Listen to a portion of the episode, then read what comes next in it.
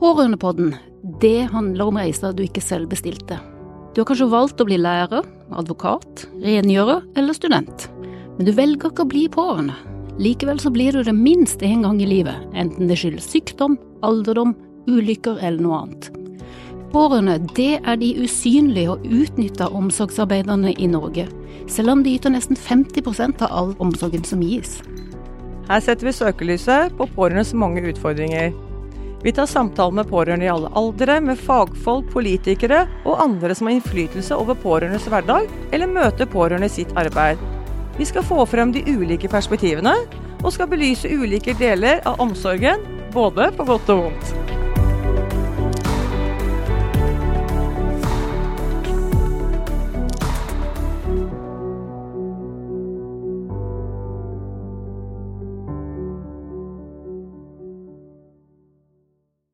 Da ønsker vi velkommen til Pårørendepodden. I dag så har vi med oss eh, Anne Grete og Anita, men vi har to spennende gjester som vi har lyst til å introdusere, og som vi valgte fordi vi ville sette lys på hvordan er det å være sønn og datter etter hvert som eh, foreldre trenger mer hjelp. Eh, den ene som sitter her i dag er Aslak Bonde, han er politisk frilansjournalist og skriver om politikk, og har også hatt en klar pårørendesituasjon som han ga uttrykk for i en artikkel her i, i vår. Og den andre er Guru Hoftun, frilansjournalist og forfatter, og pårørende som har også skrevet boka Eldreliv, hvor det kom en del betraktninger om, eh, om dette. Dere er på en måte representanter for det vi kaller sandwich-generasjonen, eh, har stått litt i klem og har ansvar og omsorgsansvar kanskje i flere retninger, og det er det vi tenkte å bruke denne episoden på å snakke om. Jeg vil gå med et spørsmål til deg, Aslak. Historien om min mor er din og familiens. Hvordan var det å være en pårørende når du var i dette og opplevde det som du opplevde her i vår? Eh, det var jo veldig mange deler av det å være en pårørende, men jeg skrev om de siste seks ukene mm. fra den dagen da koronaen stengte ned mm. landet. Mm. Da var moren min på sykehjem. Hun var eh, hun var, begynte å bli dement, men var også ganske klar. Også hos oss så var det søsteren min som var flinkest, men vi var hos henne hver eneste dag, fordi vi bor ganske i nærheten og hun var vant til å få besøk, eh, trivdes ikke noe veldig godt på sykehjemmet, så det var viktig for oss at vi besøkte henne hver dag. Og så plutselig, den 12. Eh, mars, så forsvant vi. Vi prøvde å forklare det, men da ble hun bare sint. Eh, vi prøvde da med Hun skjønte ikke hvorfor. Vi prøvde etter hvert med digitale medier. Det funka jo det med barnebarn og sånn, men hun ble sint da også, for hun skjønte ikke hvorfor vi ikke var hos henne, men måtte være på den telefonen. Mm.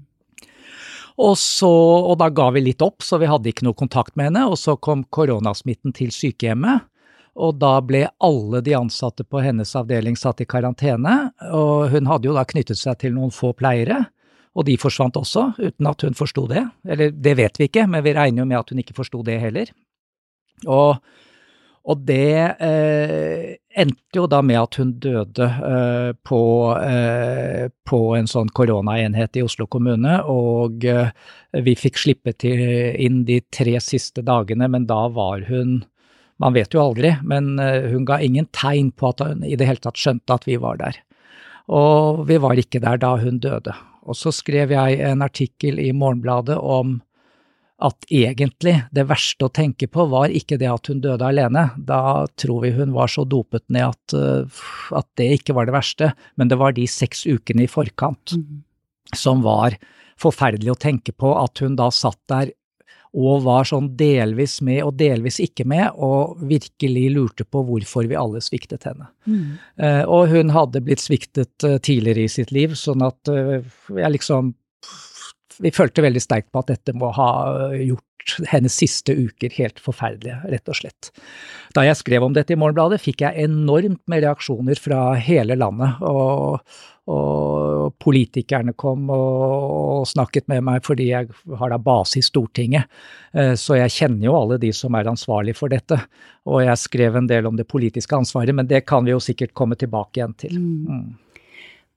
Tiden som pårørende før dette skjedde, var den god, eh, sånn som dere fulgte opp henne før sykehjemmet? Nei, Det var, eh, det var vanskelig eh, vet, Noe av det vanskeligste med å være pårørende, syns jeg, det er at du aner ikke på en måte om det du ser er representativt. Jeg eh, bor i det samme lokalmiljøet hvor jeg har bodd hele livet. Veldig mange av mine gamle venner har hatt barn på det samme sykehjemmet, jeg har hatt foreldre på det samme sykehjemmet. Og det er veldig ulike historier. Noen har det veldig bra. Svigermoren min var på det samme sykehjemmet og hadde det veldig bra. Moren min hadde det ikke bra. Så det betyr at når du da sitter og føler at det er noe galt med sykehjemmet, og så hører du andre, og til og med jeg hadde egen erfaring med svigermor øh, som var helt annerledes, så tenker du automatisk at det er ikke sykehjemmet det er noe galt med, det er moren din, eller mm. eventuelt oss. Mm. Og det er en veldig tung ting å, å, føle, og det er veldig vanskelig da også å engasjere seg som pårørende. Det å være pårørende i et sykehjem, det er det jo nesten ingen som gidder. Det er en kort periode, og i tillegg så er det ekstremt vanskelig, for du aner ikke da om det du sier egentlig bare er av, om det er av generell interesse, eller om det bare er spesifikt akkurat for din mor. Uh, veldig, veldig vanskelig. Mm. Guro, hva er din uh, historie inn som uh, pårørende? Du står i det, og du skriver noe om det i boka. Min mor bor hjemme. Hun frykter veldig sterkt at hun skal ende på sykehjem. Og bare der mener jeg at vi har et problem. Hvis man Hun er 83. Eh, og når det er den store frykten, da mener jeg at vi Samfunnet svikter de eldre. Bare der. Eh, hvis vi skal ta den koronasituasjonen til min mor, så var hun en klassisk eh, snowbird, er det ikke det man kaller de? Eh, disse som flyr til Spania i vinterhalvåret. For der er det lettere å gå med rullator, og der er det i det hele tatt et lettere liv. Eh, nå var mamma så uheldig denne vinteren at hun falt og brakk den ene friske armen eh, hun har, for den andre armen brakk hun for noen år siden, og den har ikke blitt helet helt. Så da koronaen kom, så hadde hun vært gjennom to operasjoner på spansk sykehus ble hastesendt hjem med fly med eldre som bare ble sendt hjem. Og kom i karantene så klart hjemme. Og selve karantenen er jo kanskje ikke det verste for eldre, for det er jo et karanteneliv, som hun selv sier, men hun fikk ikke hjemmesykepleie. Så da var det søsteren min, da, som var den flinke. Eller som hadde mulighet da til å reise til hjembygda, som er 20 mil herfra, i Hallingdal, og, og være hos henne, flytte hjemmekontoret sitt dit Eh, og da fikk vi hjem en mor som var deprimert for situasjonen hun hadde havna i, som på grunn av to dårlige armer ikke kunne bruke den rullatoren lenger, som ikke kom seg opp av sin egen seng, som var frarøvet utrolig mye av funksjonene sine. Og vi sto i den skvisen mellom omsorg og det derre oppdragelsen, eller hva jeg skal si. Eh, da måtte jeg bli streng og si at nå må, nå må du begynne opptreningsarbeidet fordi at vi har ikke mulighet til å flytte til deg og, og være dine pleiere. Så du må godta hjemmesykepleien. Du, når, den, når, karantenetiden var over, så fikk hun jo heldigvis hjemmesykepleie. Og vil du ikke på sykehjem, så må du gjøre en innsats. Og hun har imponert meg så innmari. Fra å klare første gangen å reise seg opp av senga for å kunne klare å gå på do om natta, ikke sant, klare seg sjøl, du må i hvert fall klare å komme deg opp av senga som søsteren min beskrev, hun brukte alt hun hadde av krefter, så det var bare et under at ikke alt av blodkar sprakk, liksom, for hun var, brukte så mye krefter for å komme seg opp på senga. Og så har hun også fått kjempegod hjelp av kommunen med noe som heter hverdagsmestringskurs, der de har kommet til henne og begynt med, med treningsoppgaver. Og det er jeg syns det har vært så fantastisk å være vitne til. Jeg kom hjem til sommeren, og mamma bare satt med armene i kors på en kjøkkenstol og reiste seg opp og ned, opp og ned, opp og ned. 15 ganger 3. Og mange andre øvelser. Som selv en så skral kropp på 83 år kan trene opp flere funksjoner. Og det forteller meg at da må man rett og slett gjøre det. Det er Om man skal tenke økonomi, da, mm. eller politikk, mm det ligger så mye gevinst for samfunnet også, og for ikke å snakke om for den enkelte, i å hjelpe dem til å mestre sin egen hverdag. Det dere sier her nå, er det noe dere snakker om med venner, med andre, altså jeg tenker sånn, menn, går dere rundt og snakker om sånn når dere møtes eh, som sønner eller eh, ja, på den måten her? det er forskjell på damer og menn sånn sett, som sønner og døtre og eh, Nei, du, det ligger vel i det spørsmålet ditt at du regner med at vi menn ikke prater om sånt. At vi prater om fotball og Jeg kommer til den alderen hvor AFP begynner å bli et uh, veldig sentralt tema. Men uh, faktisk så, så er vi menn litt moderne, vi òg. Vi tar like mye, eller det er ikke sant i mitt tilfelle, men vi tar nesten like mye ansvar som eh, de av oss som har søstre. Så, mm. så jeg snakker med en del venner om dette, men det er ikke noe sentralt tema. Og som jeg sa, det ikke sant, det er så eh, jeg, Faktisk, da moren min var på sykehjem, så ble jeg litt redd for å snakke om det, for jeg hadde ikke lyst til å klage når jeg visste at andre hadde hatt det veldig bra på sykehjemmet. Altså, jeg hadde ikke lyst til å være en sånn som var uh, sur. Uh, så ja, det Ja. Mm. Jeg har bare lyst til å si til det du forteller, at uh, i det arbeidet med den boka her, det som har gjort meg mest sånn engstelig eller rolig for eldresituasjonen i Norge, er at det er så forskjellige historier fra mm. sykehjemmene. Noen forteller om et sykehjem der de føler, seg, der de føler at mor eller far har det trygt og godt, får god mat. Eh, jeg har jo vært eh, Blant annet var jeg hos eh, hun som var Norges eldste, Maria Antoinette, i Nord-Norge, og da så jeg det. Hun hadde det fint på det sykehjemmet. Og så gjorde jeg et intervju med en pårørende til en mann som var dement, og ved det sykehjemmet hadde han det ikke godt. Han, det, hygienen var under enhver kritikk, og han hadde det rett og slett ikke godt, og, og den derre grusomme setningen Han må la det gå, gå i bleia. Mm. Uh, en bleie som er overfylt, ikke sant, for hun sitter og mater sin egen mann, får hun beskjed om at han klarer å spise selv. Det er viktig at vi ikke tar fra ham uh, alle funksjoner, eller ja, det han kan klare selv. Så vi trenger ikke å mate han. Men hun hadde jo mata han før han kom på sykehjem, hun visste han fikk ikke i seg mat. Så han raste ned i vekt. Så mens hun sitter og mater han, så eh, gir han uttrykk for at han må på do. Og hun sier fra til pleierne, og da kommer den beskjeden. Han må la det gå i bleia. Og da er den bleia så full at stolen blir sånn, det blir sånn rose på setet. Og eh, så får de han inn på rommet, de skifter den bleia, men skifter ikke buksa. Og, det, og i det, alle disse små feilgrepene så svikter det verdigheten, da, som alle politikere snakker om, at vi skal ha en verdig eldreomsorg. Da må det være tørr bleie. Mm. De må få komme seg på do. De må få tørr bukse. Ikke sant, deg. Vi gjør det for barna, vi gjør det i vårt voksenliv. Også eldre må få den omsorgen. Og bare at vi sitter og sier det, syns jeg er helt sånn at man må påpeke det som pårørende. Dette skrev jeg om eh, helt i starten, da mor kom på sykehjem. Så skrev jeg en artikkel om at nå må politikerne snakke og slutte å snakke om verdig eldreomsorg. Eh, for det er jo et flott mål, men faktisk så er det helt uoppnåelig. Eh, fordi for noen så er rett og slett det forfallet de er i, det, det, det er ikke mulig å gi dem verdighet i det. Samtidig så er jeg helt enig med deg i det derre, jeg har mange, mange historier fra sykehjemmet som er tilsvarende det du forteller.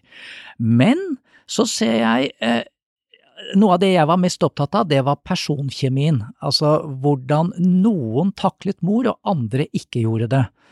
Og det er jo rart, men når de blir ordentlig gamle, så renner jo dannelsen av dem. Rett og slett, moren min var en eh, småborgerlig, veldig høflig og korrekt dame. Men etter hvert som hun ble ordentlig gammel, så begynte hun å uh, si de underligste ting, og hun, uh, hun, prøvde ikke akkurat å forstille seg. Det, altså, hun, hun, ble ganske vanskelig å være sammen med, rett og slett. Og, og, dermed så kom jo også dette med personkjemi, så det ble så mye mer tydelig, fordi hun var elskelig overfor de hun likte, og hun var ganske ekkel overfor de hun ikke likte, rett og slett. Uh, og det, det, er veldig vanskelig for pårørende å forholde seg til, fordi vi ser jo at de som er ekle, i anførselstegn, de, uh, de kan jo være veldig bra mennesker, de òg, og så samtidig så skjønner vi litt hva moren vår reagerer på, men det er sånne personlighetstrekk det går liksom ikke an å, å klage til sykehjemmet over det. Eh, dette her syns jeg var veldig, veldig vanskelig da jeg var pårørende på sykehjemmet. Mm. Jeg tenkte altså, for du, du, sier at du var veldig engstelig for å, å si ifra. Og det, du beskriver jo det litt i artikkelen din nå, at du hadde vært på noen pårørendemøter, det første møtet, og etter det så dro du vel ikke noe mer på disse halvårlige samlingene for pårørende. Hva tenker du som er eh, såpass altså Du er en analytiker, du har en stemme ut i det offentlige. Hva var det du var redd for skulle skje hvis du klagde? Fordi det er jo individuelt oppfølging for alle, de er forskjellige. Hva er det som gjorde at du ikke Altså, hva var det du var redd for? Eh, først vil jeg bare si det at det aktuelle sykehjemmet de oppfattet meg som en som klagde, for jeg tok en sak helt til noe mm. tilsynsutvalg og til fylkesmannen og sånn. Så jeg var også en som klagde. Men det jeg beskrev der, det var, eh, det var det første pårørendemøtet jeg var på, og det var jo så likt foreldremøtet i skolen, og, eh, i skolen. Fordi nå er det jo blitt sånn at man skal være sammen med barna på foreldremøte i skolen. Eller i hvert fall var det det. Nå er mine barn jeg, er, jeg, Akkurat var jeg ferdig med å følge barna mine til legen før jeg begynte å følge moren min til legen, så jeg har på en måte hatt det litt sånn sammenhengende. Men, men i alle tilfeller, da jeg var foreldre i skolen, så hadde vi øh, sånne lærersamtaler med barna, og det var masse vi ikke kunne si. Og så fordundrer det meg, så kommer jeg på sykehjemmet, og så skal moren min være med på det pårørendemøtet. Da var hun fortsatt øh, veldig danna, og det var jo helt forskrekkelig for henne at jeg var sint. Det måtte jeg jo ikke være, jeg måtte jo for all del ikke utfordre ledelsen, hun hadde jo sans for autoriteter, hun skulle bo der, så hun ble jo helt forskrekket da jeg hevet stemmen. Så jeg kunne jo ikke si hva jeg mente i det pårørendemøtet, mm. ikke sant. Og det er jo også sånn, er, jeg tror ikke det er noen som egentlig har tenkt over sånne mekanismer, og det gjaldt kanskje bare for meg, men det gjaldt for meg. Og så i tillegg så kom det av at akkurat på det sykehjemmet så var det en ledelse som ikke var noe interessert i å høre på de pårørende, de var mye mer interessert i dette sykehjemsetaten i Oslo som er deres overordnede, og det var åpenbart at det var direktiver fra sykehjemsetaten i Oslo som betød noe, det var liksom det som lederen forholdt seg til. Og hvis du skulle si fra, Guro, hvor ville du tatt kontakt på hjemmetjenesten-nivå? Jeg har jo ikke så, uh, Moren min har uh, klart seg ganske selv. har vært litt sånn hjelpemiddel. Jeg mener at hun kan være litt tøffere på å få seg hjelpemiddel. Men uh, der er hun litt sånn Nei, da ordner hun det selv. og da hjemmesykepleien omsider kom til henne, da var det midt i det mest engstelige koronatida. og vi vi som pårørende var jo så redd for å smitte henne at vi hadde med en egen kurv med kopper og hadde med Ja, vi gikk ikke på do inne i hennes hus. Vi var veldig, veldig forsiktige med å ikke smitte henne. Mens hjemmesykepleien som kom, brukte ikke noe smittevernutstyr. Og da kjente jeg litt Da kjenner jeg bare den derre starten på at man ikke klarer å å si fra at det er vanskelig, og tenker sånn ja ja, men det er jo deres profesjon og ja. Eh, men jeg husker fra da faren min eh, ble syk og døde, en gammel mann fra Hallingdal, kommer til eh, Radiumhospitalet i Oslo. Da måtte jeg være som tolk, og ikke for utenlandske leger, men for de, hva skal vi, for å bruke ditt ord, da, de dannede flere generasjoner, legen flere generasjoner, gjerne med hytte på Geilo de, de forsto ikke hverandre. Så det var Da var jeg inne som tolk, men jeg var ikke noe sånn kritisk overfor dem, men, eh, men eh, bare syntes det var interessant at, eh, at, måtte, at språket man bruker overfor eldre, eller overfor pasienten, er så så håpløst at man må inn og oversette medisinske begreper. Men du, det er artig at du sier, fordi moren min hun var også sånn at hun forsto mindre og mindre, og det dreide seg ikke bare om medisinske begreper, det dreide seg om dialekter og, og gebrokkent norsk, og altså svensker var jo ikke noe problem i starten av hjemmepleiesyk da hun var hjemme, mm. men på sykehjemmet så var selv svensk vanskelig, en god del norske dialekter var vanskelige. For ikke å snakke om alle de I Oslo er det jo veldig mange som snakker gebrokkent norsk. De snakker godt, de består alle språkprøver og sånn, men de er gebrokne. Mm. Og det er et kjempeproblem som det er vanskelig å ta opp igjen, fordi eh, bevares, vi trenger jo alle de som snakker både gebrokkent og vestlandsk og svensk. Ja. Vi trenger jo alle hender vi har. Mm. Men eh, hvis eh, det, i, i det ideelle hvis jeg tenker for meg sjøl, eller for mamma, eller for Jonny, som jeg har uh, intervjua i den boka her, som har stelt sin demente kone nå i 30 år, var det vel, eh, Laila. Eh, han har notert alle fra hjemmesykepleien som har vært innom. Husker ikke tallet, mange hundre. Og det øker stadig. Det er nye folk hele tiden. Mm. Og jeg, da jeg var hos dem, så kom en av de faste. Og se hva som skjer med Laila da, når døra går opp, og det er bare sånn 'Hallo, Laila', hører du. Og da ser du hvordan hun lyser opp, for endelig kommer det en stemme hun kjenner. Så da tror jeg du kan takle svensk og mm. gebroppent og alt, hvis det er en stemme du kjenner, Mm. eh, en, eh, en måte å snakke på som du kjenner.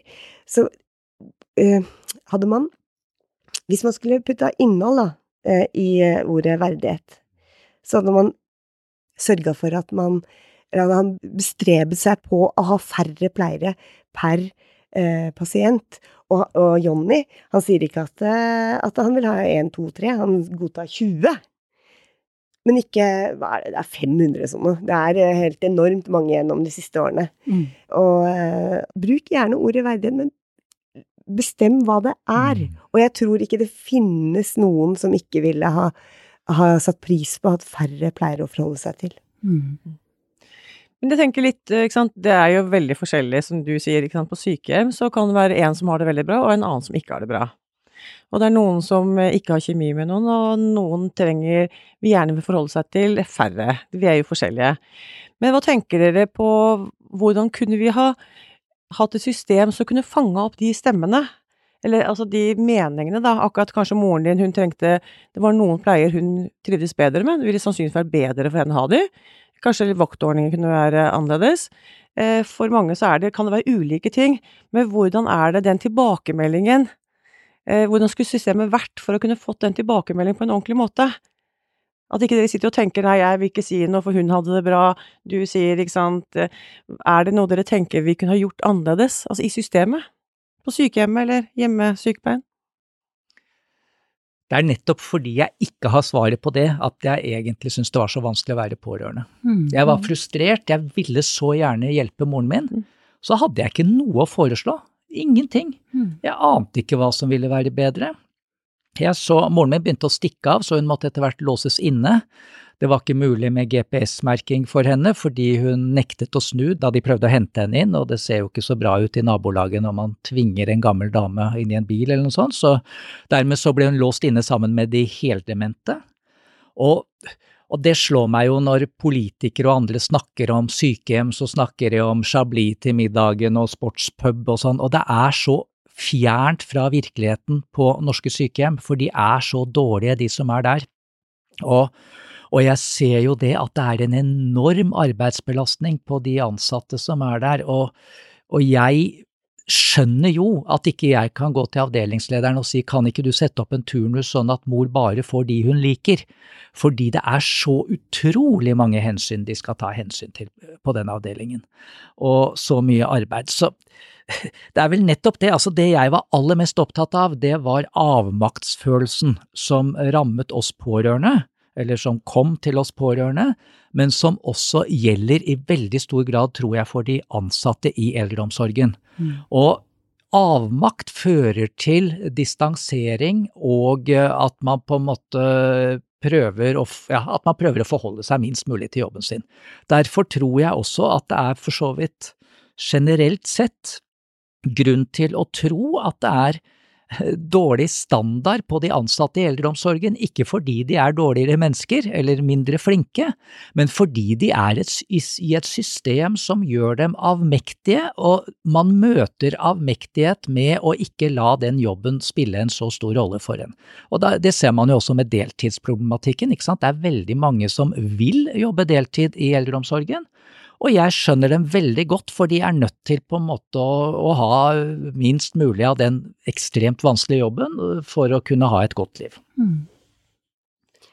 Men både i barndommen og i eh, alderdommen så presses man jo inn i sånne fellesskap mot sin vilje ofte, eh, særlig hvis man da må på sykehjem. Men jeg har inntrykk av at det, de der systemene rundt hvordan, eh, hvordan takle disse utfordringene, det er så mye mer Det jobbes så mye mer med det i skoleverket overfor Mm. ungene. For det er jo Det veit vi jo som har vært foreldre, at det er jo håpløse unger, og det er nydelige unger i en skjønn forening. Og de stakkars lærerne må takle De må takle begge typer. Eh, men jeg har inntrykk av, som mor til tre jenter, at eh, gjennom skolen så det, det tas på alvor. Mm. Eh, antimobbekampanjer, eh, man setter inn ekstralærere, man gir eh, ulik undervisning til Ikke sant. Alt dette hvilket behov den enkelte elev har. I hvert fall har jeg inntrykk av det fra Oslo-skolen, da. Det er viktig å si. Mhm. Og det er vel kanskje Kanskje man skal lære av det systemet, da. Jeg veit ikke, jeg Jeg, jeg, jeg veit heller ikke hva eh, som finnes av systemer, men det jeg tror, er at det er litt ulikt fra hvert sykehjem. Det er mitt inntrykk. Men det er så artig at du sammenligner med skolen, fordi det er jeg helt enig med deg ikke sant. Men det er jo nettopp det, der har de mer ressurser. Jeg har tre gutter, da, men også i Oslo-skolen. Og der, der er det jo sånn at, eller der var det sånn at når det var virkelig problemer i en klasse, som det var i flere av de jeg var borti, så hentet man jo inn, det het Prinsdalsteamet, altså da hentet man jo inn folk fra utsida for å virkelig overta og liksom få orden på den klassen. Mens eh, i sykehjemsetaten så er det jo Det er mulig det er noe sånt. Eh, Jeg forsto at det var noen som kom til det sykehjemmet hvor moren min var, fordi de, det er et av de som hadde flest koronadødsfall. Men, men frem til da så var det jo aldri sånn at man kunne hente inn en eller annen enhet fra utsida for å liksom hjelpe sykehjemsledelsen med å få orden på noe. Det, det oppfattet jeg som helt utenkelig. Mye mindre ressurser der enn det er i skolen, tror jeg. Og det er det å se den enkelte som jo alt koker egentlig ned til. Og jeg kommer til å bli en tverr dame på sykehjem hvis ikke jeg får lov å være meg sjøl. Og i, i den boka så, så beskriver jeg et sånt møte, det er ganske mange år siden. Jeg var oppe i Lofoten på noen runder på sykehjem der, sammen med Audun Mysja, eh, som jo drar fram gitaren og spiller. Og vi kommer inn på et sykehjem, og det er nedlagt nå, men, eh, men der satt alle og sov, og så på repriser av Dynasty på TV utrolig begredelig, det synet som møtte oss. Og så, eh, så er det så klart noen damer som gjerne vil synge, og så kommer det med noen sånn syngende husmødre-viser. Og så sitter det en og dupper og sover i en stol. Og så er det Audun Mysja går til han, som sitter og dupper, og sier sånn Skal du ikke være med å synge? Skal du ikke være med å og, eh, For det så jo hvordan de kvikna til de damene som hadde kjennskap til de låtene. Og så åpna han bare øynene og sa han, 'Jeg liker nå best han Jim Reeves'. Og det som skjedde med han da Audun Mysja dro noen Jim Reeves-låter, da ble det dansing, og han ble Han ble et annet menneske. Og det er jo Det er jo ikke rakettforskning. Bare prøv å se den ene. Ikke syng noe syngende husmødre-ting til en som vil høre på Jim Reeves. Det er så, ah, dette kjenner jeg så godt igjen, ikke sant. Altså, de tror at absolutt alle gamle liker Jens Bukk-Jensen. Det er veldig pussig. Tenk deg når vi blir eldre. Og. Og, og de tror alle gamle liker flesk i duppe. Det er liksom Jeg har aldri i mitt liv fått flesk i duppe i barndomshjemmet, men det serverer de på sykehjemmet stadig vekk. Mora mi syntes det var helt forferdelig. Ikke sant? Mens det er De har noen forestillinger om at sånn var det da de var unge. Og de forestillingene er feil nå, og de kommer jo til å være mye, mye mer feil når vi blir gamle. Så ja. Ja, det, det, det, jeg tør Og det er det som også er skummelt. Jeg tør nesten ikke å tenke den tanken ut. Nei. Hvordan det blir når vi kommer på Jeg har bestemt meg for at jeg skal bli superinteressert i sport, for det er det eneste som går på TV døgnet rundt. Og da, hvis jeg bare klarer å følge med på all mulig sport og legge på litt amerikansk, så skal jeg klare meg, liksom, da. Jeg må legge en strategi, kjenner jeg. ikke den sportsveien, det klarer jeg ikke. Men når dere står i dette nå, ser dere da at ja, jeg forventer at mine barn skal hjelpe meg som pårørende når jeg blir tida går, det går 20 år, det går 30 år, eh, hva, hva, hva skal de gjøre for dere som pårørende, tenker dere? For i dag så, så hjelper jo familien med 50% cirka av det som gjøres, og det legges jo opp politiske føringer også på det. Jeg syns det er vanskelig å forvente det av det, Samfunnet er jo heller ikke lagt opp til det, ikke sant. Det er jo lagt opp til eh, to voksne i jobb, eh, og da å legge den byrden på dem Jeg syns det, jeg synes det er vanskelig. Det eneste egentlig jeg ønsker for at mine barn hvordan de skal forholde seg til meg når jeg blir eldre, er at de skal snakke til meg som meg. Men jeg har, ja, der vil jeg nok være enig med min mor. Jeg vil ikke at de skal vaske meg på ryggen, som mamma sier, jeg tror hun mener egentlig lenger ned. Men uh, den omsorgsrollen vil jeg ikke dytte over på mine barn. Eller svigerdøtre. Mhm. Ikke jeg heller, men samtidig så må jeg medgi at jeg mange, mange ganger tenkte at vi burde hatt mor hjemme. Og så minner kona mi og meg om hvordan jeg hadde reagert hvis jeg hadde sagt at vi skulle ha svigermor hjemme. Og det hadde jo ikke gått, det er jo helt åpenbart. Altså, vi har jo ikke boforhold som gjør det mulig, og det, det krever mye å få til Det var ikke bare idyll på, i gamle dager, da man hadde gamlemor boende hjemme. Så, så det er på en måte helt jeg skjønner veldig godt at jeg ikke kunne gjøre det, og at det ikke er lett å få det til i samfunnet, men jeg tror det hadde vært det beste for moren min, helt åpenbart. Og da på samme måten så tenker jeg at å, jeg skulle ønske en av mine tre gutter uh, kan ha meg hjemme når jeg blir gammel. Uh, og, og jeg forventer det definitivt ikke. Det er eh, en enorm belastning. Det krever at de har råd til å kjøpe et hus sammen med meg som gjør det mulig å få til. Altså det er, det er ekstremt lite sannsynlig at det kommer til å skje, men det er det jeg hadde ønsket meg, rett og slett. Og, og da ville jeg veldig gjerne hatt hjemmesykepleie til å vaske meg, og verken sviger, svigerbarn eller sønner. Men likevel, altså, den tryggheten som ligger i å bo sammen med en familie, og de stimuliene. Bare det å få mat som er annerledes enn Fjordland. Moren min spiste jo bare Fjordland de tre årene før hun kom på sykehjem, og hun var veldig glad i mat før. Og det er klart at det, det å kunne få være Altså, da vi hadde henne hjemme hver søndag eh, helt til det siste, og, og, det at hun bare fikk ordentlig hjemmelaget mat, og det hun likte, det, det gjorde jo Det kvikket henne opp noe så voldsomt, ikke sant. Og hadde hun bodd sammen med oss, så hadde hun jo fått mye bedre mat eh, over hele tiden. Mm. Dere har begge ganske klare sånn politiske blikk eh, og, og, ser på det som skjer i samfunnet. Hvor, hvor, ser dere at politikerne plasserer pårørende nå og fremover? De er i en skvis, fordi alle vil jo at pårørende egentlig skal ta mer ansvar. Samtidig så kan man ikke si det. Det er jo helt umulig å si, fordi det er så mange grunner til at pårørende ikke tar ansvar for sine gamle. Mm. Eh, og mange veldig gode grunner. Så du må for all del ikke få et samfunn hvor det er et krav at de pårørende skal ta seg av sine gamle. Mm. Det er altfor mye å, å kreve, og det vet politikerne. Samtidig så har de ikke ressurser, og kommer ikke til å få ressurser, til å lage en eldreomsorg som, som klarer seg uten at de pårørende faktisk gjør hoveddelen av jobben. Så dermed så blir det jo uklar tale fra politikerne her også, ikke sant. Altså gang på gang så blir det, så snakker de med store ord om alt hva de skal få til, og så er det ikke realiteter bak de store ordene, rett og slett mm. på grunn av det. Og her står vi overfor eh, en kjempestor utfordring i framtida, i bygdene, som blir overbefolka av eldre mennesker, mens eh, yngre i større grad bor i byene. Så det er en strøm av eh, omsorgspendlere oppover rv. 7 til Hallingdal, blant annet, der jeg sjøl kjører.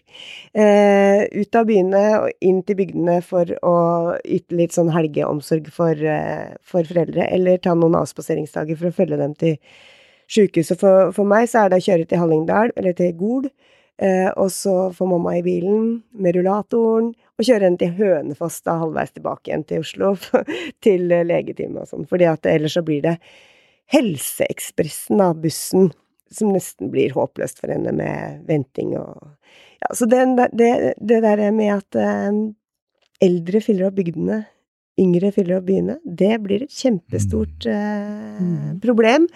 Og, og, som gjør at uh, den daglige omsorgen kan ikke pårørende Jeg har jo ikke mulighet til, til det med min mor. Uh, så jeg er kjempetakknemlig nå for at hun har hjemmesykepleier, og så sier hun det er jo ikke sant, de hjelper jo meg, de hjelper meg med én støttestrømpe, tror jeg det er nå, da, på én fot. Og så sier jeg, men vær den drømmepasienten som de kommer til, der de kan få slappe av. Ta fire minutter samtale med deg, som er klar oppegående. Og så har du tatt på deg den eh, snorkemaska, da. Eh, så har du ordna deg sjøl. Eh, men la dem komme, og få lov å si hei til deg morgen og kveld. For meg er det en kjempetrygghet. Det er liksom litt tilbake, du sier at uh, man skal ikke, eller kan ikke si at pårørende skal gjøre mer, politikere kan ikke gjøre det. Uh, vi har jo ganske lite kunnskap om hva slags pårørende yter i dag. Altså har, I Norge har vi jo lite, vært lite interessert i å få gode tall på det. Nå prøver man jo det.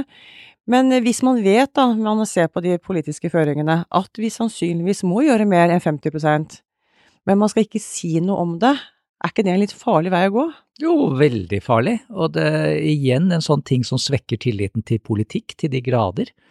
Uh, fordi de jo sier at verden er annerledes enn det vi som er i den opplever. Så det er veldig, veldig skummelt for politikerne dette her. Men dette, altså etter at jeg skrev den artikkelen i Morgenbladet, så har jeg snakket med mange av de som er ansvarlige i politikken for dette her, fordi jeg da som sagt går i det miljøet. Og jeg skjønner jo dem som en sa, du vet det er jo ikke de pårørende vi frir til i valgkampen, ikke sant, altså når vi er ute i valgkampen og snakker om sykehjem, så er det jo velgere som ikke har peiling på sykehjem vi henvender oss til. Og det, da blir det jo en sånn mekanisme, ikke sant, at da, da må jo de på, altså da det ene partiet frir til den store hop som ikke vet noe om det er, og da må de andre også gjøre det. Det er ikke mulig for en politiker da å si at uh, at du, jeg vil være ærlig, jeg vil snakke ærlig om dette, det er ikke mulig å oppnå så mye som du sier. Da blir de jo halshugget i den offentlige debatten. Rett og slett. Mm. Så dette er et stort politisk problem også, og et kommunikasjonsproblem. Men det er klart at det å dokumentere de pårørendes innsats er kanskje en uh, start på det. Det er sant. Mm. Det virker på meg, da, uh, nå har jo ikke jeg den samme erfaringen som sånn med politisk analyse som deg, men, men, eh, for meg så virker det som at de bruker disse store ordene, ikke sant, som verdig eldreomsorg, eksempel. Og det gjør jo alle. Mm. Så dette er jo egentlig en sak eh, der det høres ut som de er rørende enig. Mm. Likevel så Men ikke sant, det viser jo at det er så lite Si skolepolitikk, da går jo De går jo på detaljer i mm. skolepolitikken. Går ned på detalj. Mm. Mens her er det de store ordene, så er det noe sånn der om, eh, om man skal ha kjøkken eller ikke på gamlehjemmene, liksom. Så det, det man, må, ja, man, må, man må begynne å snakke ned på det det virkelig handler om. Mm. Ta bort alle fyndordene, mm. og snakke om hva man virkelig mener. Det eneste jeg har klart å se som er den store forskjellen, er jo liksom finansieringen av det. Mm. Eh, som jo egentlig for din mor, om det er et kommunalt eller et privateid eh, sykehjem, for hverdagen på det sykehjemmet, så har jo ikke det så mye å si. Nei. Akkurat det er det jo litt sånn politisk uenighet om. Altså det finnes dårlige og det finnes gode sykehjem sånn sett fra ledelsesståsted. Eh, og noen sier at det har med konkurranse å gjøre, andre sier det ikke har med konkurranse å gjøre. Og det, jeg er jo da politisk analytiker, da, så jeg vil ikke mene noe om på en måte akkurat det. Men jeg er helt enig med deg ikke sant, at det er et fillespørsmål. Og det der med kjøkken syns jeg jo er et veldig godt eksempel. Mm. Det var det da Sylvi Listhaug var uh, eldreminister, så gjorde hun jo det til sin sak, at man skulle få matlukten tilbake på sykehjemmene. Og det er jo det er sikkert et godt tiltak, det, men det er så veldig lite viktig i den store sammenheng, og det, det lukter eh, av og til godt av storkjøkkenmat også, ikke sant, altså det, og det er, det igjen er jo avhengig av, altså du har noen som er eh, ansatt i sykehjemmet som elsker å lage mat, og du har mm. andre som ikke klarer å lage en Toro-suppe engang, ikke sant, altså det er akkurat som med mine, det jeg ser med ungdommen. Noen er vant til å være på kjøkkenet, andre har ikke peiling, rett og mm. slett. Og, sånn, og da på en måte eh, er det jo Det er jo helt avhengig av hvem som er der, om man får til det med god ernæring, rett og mm. slett. Mm. Mm. Men jeg tenkte litt det dere sa i stad, litt med dette at eh, når du er på skolen, så har du jo kontakter, og, og du, du, sa vel litt til det at, at du i, i, begynnelsen så var du på sånn nesten foreldremøte med moren din. Mm. Men hva er det som gjør at ikke vi kan bruke det systemet som er på skolen, som er jo, det er jo et godt system, altså som du sier, man tar individuelle vurderinger hvis det er noe, man får på noen ressurser, hvis det er det. Hva er det som gjør at ikke eh, helsevesenet, eller iallfall eh, eldreomsorgen, kan bruke noen av de mekanismene? Hvorfor gjør man ikke det? Har det vurdert Penger. Er det bare penger? Det dreier seg om penger. Mm. Altså, mm. på skolen har man helsesøster, man har sosiallærer. Mm. Det er klart man har ikke råd til sånt på et sykehjem. Altså, for all del, nå snakker vi jo elendighetsbeskrivelse. Det er mye bedre nå enn det var. Altså sånn som på det sykehjemmet jeg kjenner da både fra svigermor og moren min, da så var det jo ikke fast sykehjemslege da svigermor var der for uh, ti år siden, mens nå er det fast sykehjemslege, som betyr enormt mye. Uh, det er mye mer ressurser i sykehjemmene nå enn det var for bare ti år siden, mm. men det er likevel, og det er det som er så deprimerende, det er så likevel altfor lite, mm. ikke sant. Og det er bare tenk, vi har jo fortsatt situasjoner hvor de ikke har bemanning til at de ansatte kan sitte ved sykesengen når folk dør. Det er jo øh, bare noe så elementært. Øh, fortsatt så er det mange sånne historier. Jeg har inntrykk av at det er øh, for mange små stillinger. For få hender. For, for Jeg mener egentlig at det er for få faglærte, men det er kanskje, kanskje til å sitte og holde i hånda Eh, kunne man eh, fått inn mye bedre For å få flere hender, da. Ha også flere ufaglærte til de oppgavene der det går an. Og så får man bruke sykepleierne og de som er faglærte, til, til de eh, oppgavene.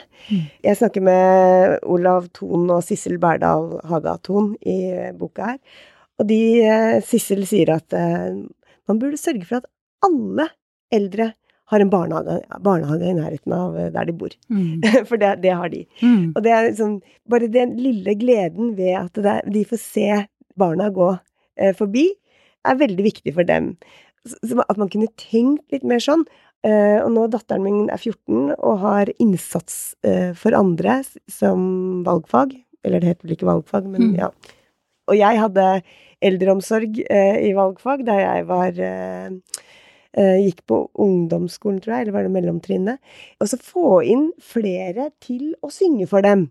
Ikke bare komme og holde en konsert så de kan få sitte og vippe med tåa, men det tror jeg mange ville ha ønska. Få inn flere til å stimulere dem, eh, til å eh, holde i hånda, til å samtale. Åpne opp eldresentrene i større grad for det. Helt enig. Jeg eh, har litt sans for eh, samfunnstjenestetankegangen. Altså at eh, alle ungdom etter skolen gjør ett års samfunnstjeneste. Mm. Eh, og, og, det er rett og slett også for å få langt flere inn i omsorgssektoren. Og det er masse de kan gjøre, akkurat av det du sa, Guro. Altså det, bare det, ikke sant. På sykehjemmet, på et av de pårørendemøtene jeg var, så, så var det noen som etterlyste mer musikk. Og da fortalte hun styreren at ja, vi har akkurat kjøpt inn en kassettspiller. Og det er to år siden, ikke sant? Og, og du vet da, da mister du tiltro til den mm. ledelsen, rett og slett, mm. ikke sant? Når de tror at det fortsatt er kassetter som gjelder i Norge i dag. Uh, og, og, det er klart at hvis man hadde hatt uh, unge, helt ufaglærte som var inne i det systemet, så ville de ha hørt om Spotify. Altså, mm. det er noe med at da ville de ha, og de kunne ringt til sine besteforeldre og spurt har du noen tips, hva kan jeg sette på for å prøve litt overfor vedkommende. Mm. Eh, og det er klart, sånt hadde eh, hjulpet, rett og slett. Og så er det én ting jeg har lært av sykepleierne, vi må ikke snakke om kloke hender og flere hender, fordi eh, alle i sykehjemmet de bruker mye mer enn hendene sine. De bruker hele seg for å være til for de gamle. Så vi må passe ja, på det. det ja. Ja, ja. Kloke hoder. Mm. mm.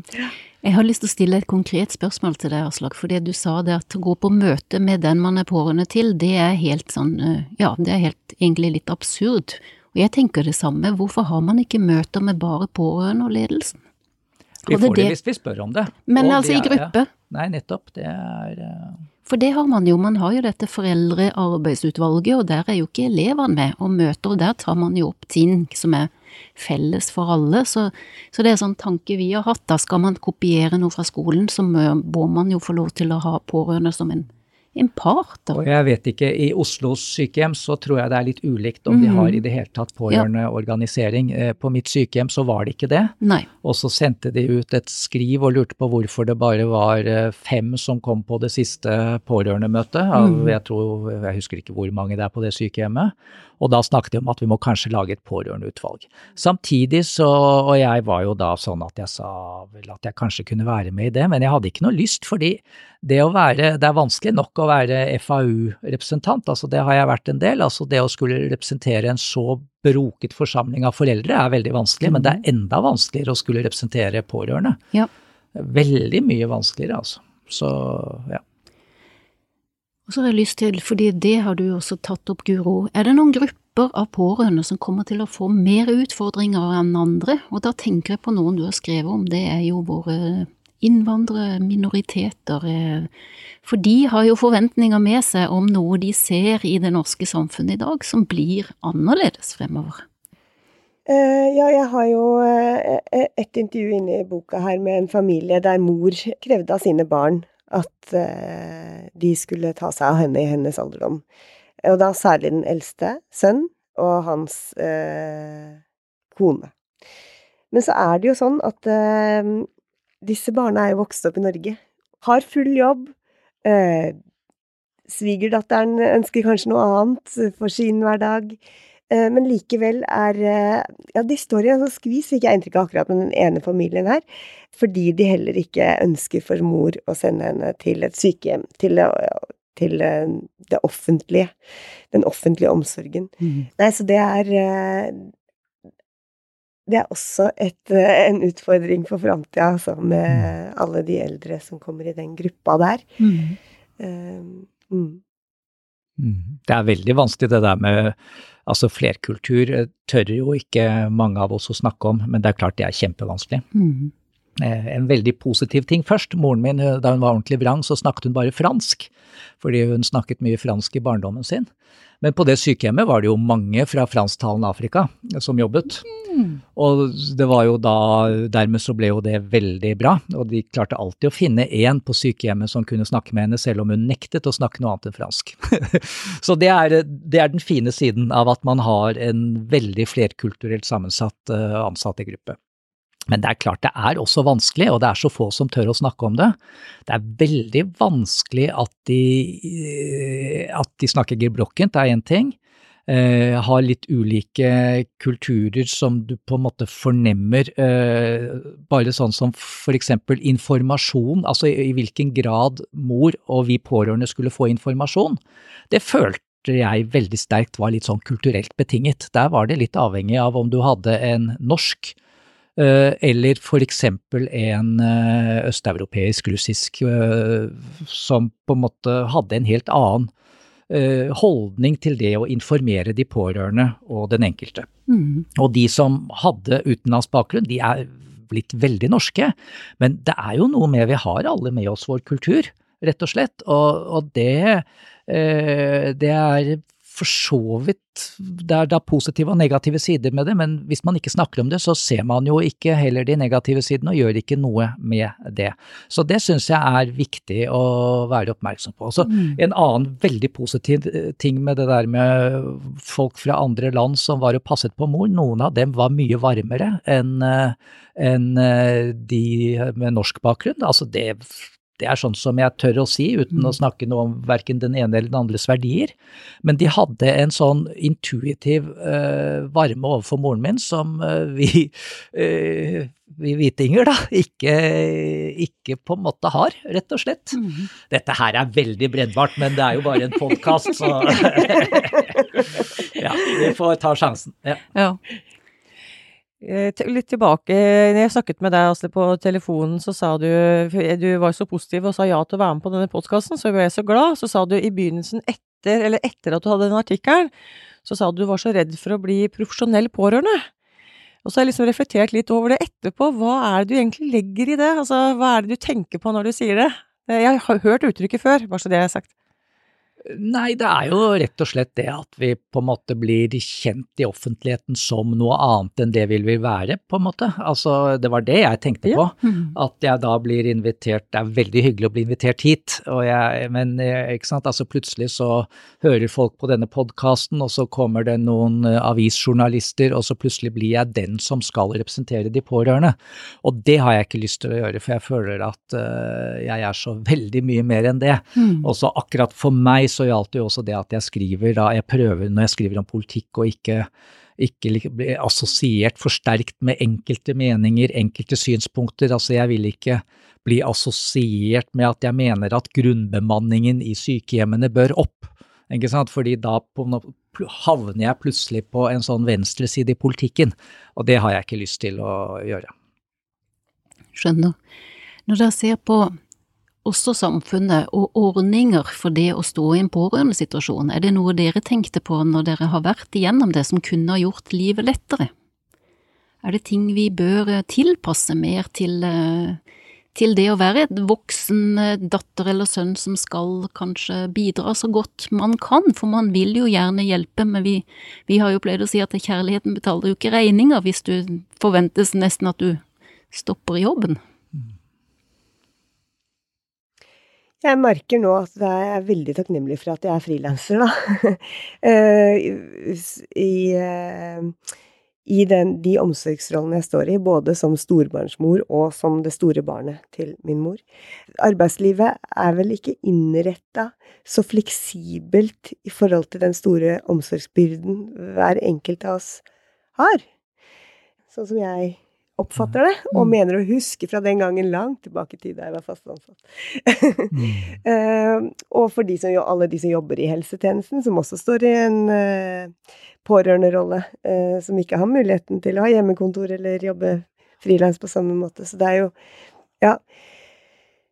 Det er kjempeutfordrende. Det, hva var det dere sa? Det var 50 av omsorgen, ja. Som ytes 50 av omsorgen ytes fra pårørende. Mm. 110 000 årsverk, altså 135 000 kommunalt ansatte i helse og omsorg. Mm. Ja, det er helt enormt, og det har vi jo ikke tatt inn over oss. Og jeg er helt enig, jeg er også så lykkelig for at jeg er frilanser, og det er jo helt skrekkelig at vi sier det. Det er det. Det er, det er helt, helt forferdelig, fordi uh, snakker om på en måte å lage stressede liv for folk. De mm. som skal ha fulle jobber med møter og avtaler i hytt og pine på jobben. Mm og så skal de i tillegg følge opp.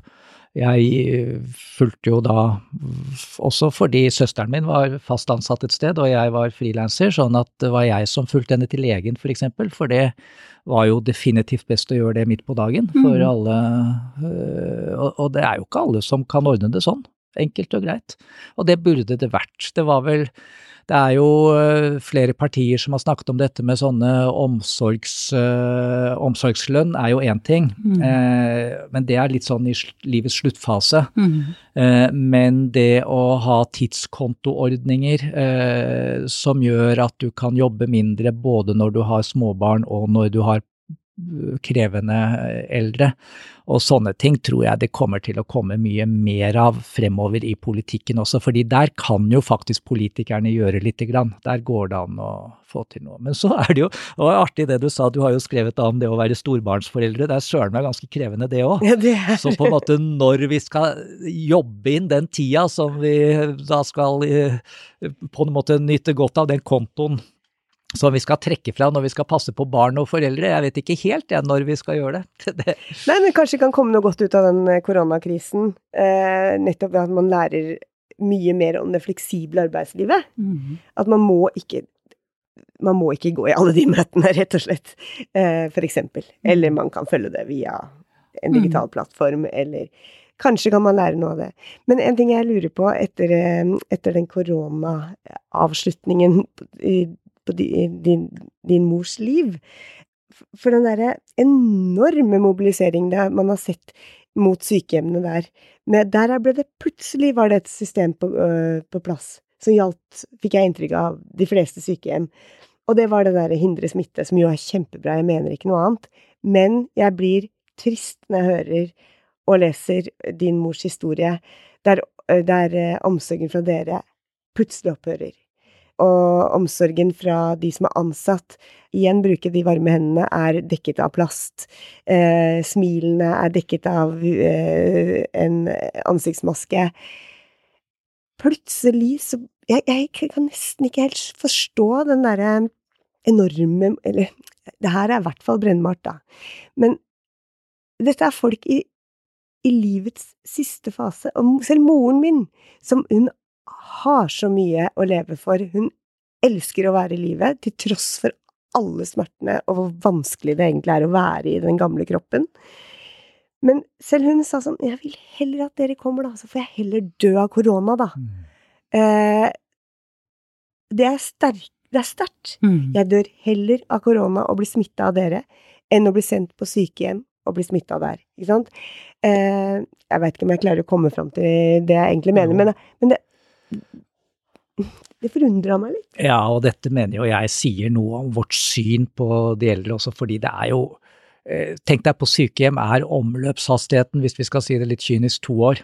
Ikke sant? Altså, folk er ikke der lenge. og Moren min ville bare dø, eh, det er det ingen tvil om. Hun ville mye heller dø av korona enn, eh, enn å overleve uten besøk av oss. Det er helt sikkert. Og vi er lykkelige for at hun faktisk slapp denne sommeren. At, eh, at hun, eh, hun, var 96 år, mm. så det er veldig viktig, og det er stor forskjell, ikke sant. Eh, men det som er interessant nå, det er jo at over hele landet, enten de har koronasmitte eller ikke, så har de jo et veldig stramt regime på ikke bare sykehjem, men også omsorgshjem. Omsorgshjem er jo sånn hvor det er lagt opp til at de pårørende skal passe på, men også der er det koronarestriksjoner som gjør at de pårørende ikke kommer inn og faktisk kan gjøre den jobben som det er forutsatt at de skal gjøre. Mm. Og, og, det er jo helt forunderlig at det ikke er kommet mer reaksjoner på det. Og det er også helt forunderlig at alle sykehjemsbestyrere, omsorgsbestyrere, de eh, bruker Helsedirektoratets eh, retningslinjer helt sånn eh, slavisk, virker det som, fordi de er så redd for å få korona inn på sykehjemmet og omsorgshjemmet. Og da, da, virker det som om det ikke er noen slags sånn sannsynlighetsberegning, sånn risikovurdering, men at de bare er føre var på en måte som gjør at livskvaliteten for veldig mange av de eldre blir dårligere, mm -hmm. rett og slett. Og det er, jeg har jo hørt forskrekkelige historier. Jeg, som sagt så bor jeg da der hvor sykehjemmet fortsatt er, da, sånn at jeg snakker med andre pårørende fortsatt, og pleiere snakker jeg med. Og, og ikke sant, det er jo pårørende som, eh, spesielt menn og koner, da, som sitter gjerne, eller frem til 12. Eh, mars, og satt i flere timer med sine kjære. Eh, en som leste avisen for mannen sin hver eneste dag og så kom koronaen, og så, nå, og så fikk hun da i sommer sånn én time per dag, og så prøver hun å lese avisen for ham, og han er helt borte. Ikke sant? Altså, han har jo kognitivt forfalt noe så voldsomt gjennom denne perioden, for det er jo ingen som har stimulert ham i tre sånn uh, mentalt på, i, i, tre måneder. Og, og dette her er altså det er en så dårlig kvalitet i eldreomsorgen på mm. koronaen, og det snakker man ikke om i det hele tatt. Det er veldig alvorlig. Mm. Jeg kan forstå, jeg forstår jo selvsagt alle de smitte, smittevernhensynene man er nødt til å ta, og at det ikke er ønskelig eh, å få eh, smitte inn på sykehjemmet, men, men, at man kan bare på et blunk suge ut eh, så mye viktig omsorg, da.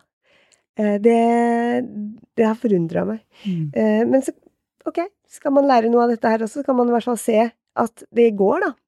Når du snakker om disse systemene. Det finnes med klare retningslinjer og politisk vilje som er helt tindrende klar, så får man til det utroligste. Mm. Det har man jo også sett av eh, korona. Bruk den kunnskapen til noe godt, mm. også for de eldre. Kanskje man kunne, hvis man kunne ønska seg noe. Jeg hadde jo et eksempel i artikkelen min om jeg, da jeg var på Vinmonopolet bare to uker etterpå, eh, etter at det kom, så hadde jo de umiddelbart fått en sånn Securitas-vakt som sto og passet på oss ved inngangen. Men det å på en måte hyre inn to Securitas-vakter for å lufte mor, få henne ut, sånn at vi kunne sitte med henne ute, det var helt utenkelig. Ikke sant? Og det Det sier noe om prioriteringene. Det er bare vilje. Jeg mener jeg bare er vi, eh, eh, Jeg sk tror jeg skriver et sted, ellers har det blitt tatt bort i redigeringen. Men tenk om vi kunne hatt en uh, Petter Stordalen til å drive et sykehjem. Mm. En med virkelig Det tror jeg hadde blitt slitsomt for ja, de gamle. Endelig mandag! Nei, det tror jeg ikke hadde gått så bra. Nei, kanskje litt dårlig eksempel. Men en virkelig En som, som, virkelig hadde hatt handlekraft. Og det hadde vært så gøy å sett hva som kunne skjedd. For det virker ikke sant, det er, Man får helt Man får jo nesten utmattelsessyndrom av å bare høre sånn derre Ja, vi burde kanskje Ja, vi har kjøpt kassetter, da. Når du veit at det er så lite som skal til. På det ene sykehjemmet oppe i Lofoten så hadde de CD-plater med sånne øh, ulike sjarker. Nå er jeg på tynn, øh, tynn is her, som er fra Hallingdal, jeg veit ingenting om havet. Men det var en sånn enerverende lyd for meg. Sånn dunk, dunk, dunk, dunk. Og så bare sånn Det er en Wickman. Og de var ganske demente. Ja. Men de sånn, kjente det. Ja, naboen hadde en Wickman. Å ja. Hvem var naboen din, da? Nei, det husker jeg ikke. Nei. Så bare sånn ja, det var bare sånn Det var så Det er så lite som skal til. Det var en CD, da. Så der hadde vi kommet litt lenger. Men, men, eh, men, eh, jeg mener at hvis du Sånn som Hermod, som jeg skriver om i boka, som hadde Parkinson-demens, og han eh, kunne ikke gå. Han, og, han var i kramper, eh, og han hadde forferdelige smertelyder. Han hadde det så vondt der han satt. Og så kommer da Audun Mysja igjen, da, eh, og, eh, og, finner hans Hermods rytme. De finner ut at eh, han har egentlig en rytme i kroppen som jeg tror det var en ekte lofottorsk er, eller mellom Bakkar og Berg. Jeg husker ikke helt, kanskje det var begge de to. Kanskje de går litt i sånn i samme rytme. Ganske kjapt så var Hermod oppe og gikk fordi han fikk den rytmen inn i kroppen. Nå skal ikke jeg si at det gjelder for alle, men det gjaldt for han Hermod. Så snakker jeg med kona hans noen uker seinere. Nei, det hadde rent ut i kålen. Og da Jeg godtar ikke sånn derre Nei, det er liksom vanskelig for pleieren eller flaut å gå rundt og synge mellom Bakkar og Berg i korridoren. Nei, det er det ikke. Ikke hvis det er vilje til det. Vilje til å sprite ned en rullestol, mm. få moren din i rullestolen, trille ut, trille henne ut til dere, mm. sprite dere ned. Det smitter jo ikke fra eh, nyvaska hender. Nei. Eh, det er bare ja, ikke uvilje, men det er i hvert fall ikke vilje til å sette opp et system for det, da, som polet klarte. Veldig bra. Herregud, det var jo kø på alle pol. Mm. det burde vært kø utenfor gamlehjemmene også, for å mm. hente ut de eldre. Mm. Amen. Dette var en eh, spennende samtale, og jeg tror vi kunne fortsatt lenge, og det er mulig vi må be dere tilbake for å ta den opp, fordi eh, dette kommer jo til å vare en stund. Det tror jeg, og så er jo da eh, får, vi noen dreininger ut av det til en mer positiv retning. Skjer det noe som blir bra ut av det som har vært ganske bra? Vi fikk en, fikk en ganske sterkt sitat i, da vi spurte i en undersøkelse hvor lenge skal vi isolere våre eldre fra kjærlighet? Eh, og at det var, det var veldig For ei som var veldig lei seg for det som hadde skjedd, og, og at pårørende representerte kjærligheten som nå var borte i denne tida. Så tror jeg dere er helt inne på det. Vilje, penger og det at kanskje vår generasjon må være den som sier fra. Og det er jo litt av det som er vårt stikkord, at vi som pårørende må være mindre rørende og mer på. At det blir eh, litt av arbeidet fremover. Med det så tror jeg vi skal si tusen takk for eh, samtalen i dag, og alle de tankene og betraktningene dere har bidratt med. Tusen takk. Er dette tema for deg eller noen du kjenner? Følg oss gjerne på sosiale medier, hvor vi synliggjør og gir de pårørende stemme. Du finner alle lenkene i episodebeskrivelsen.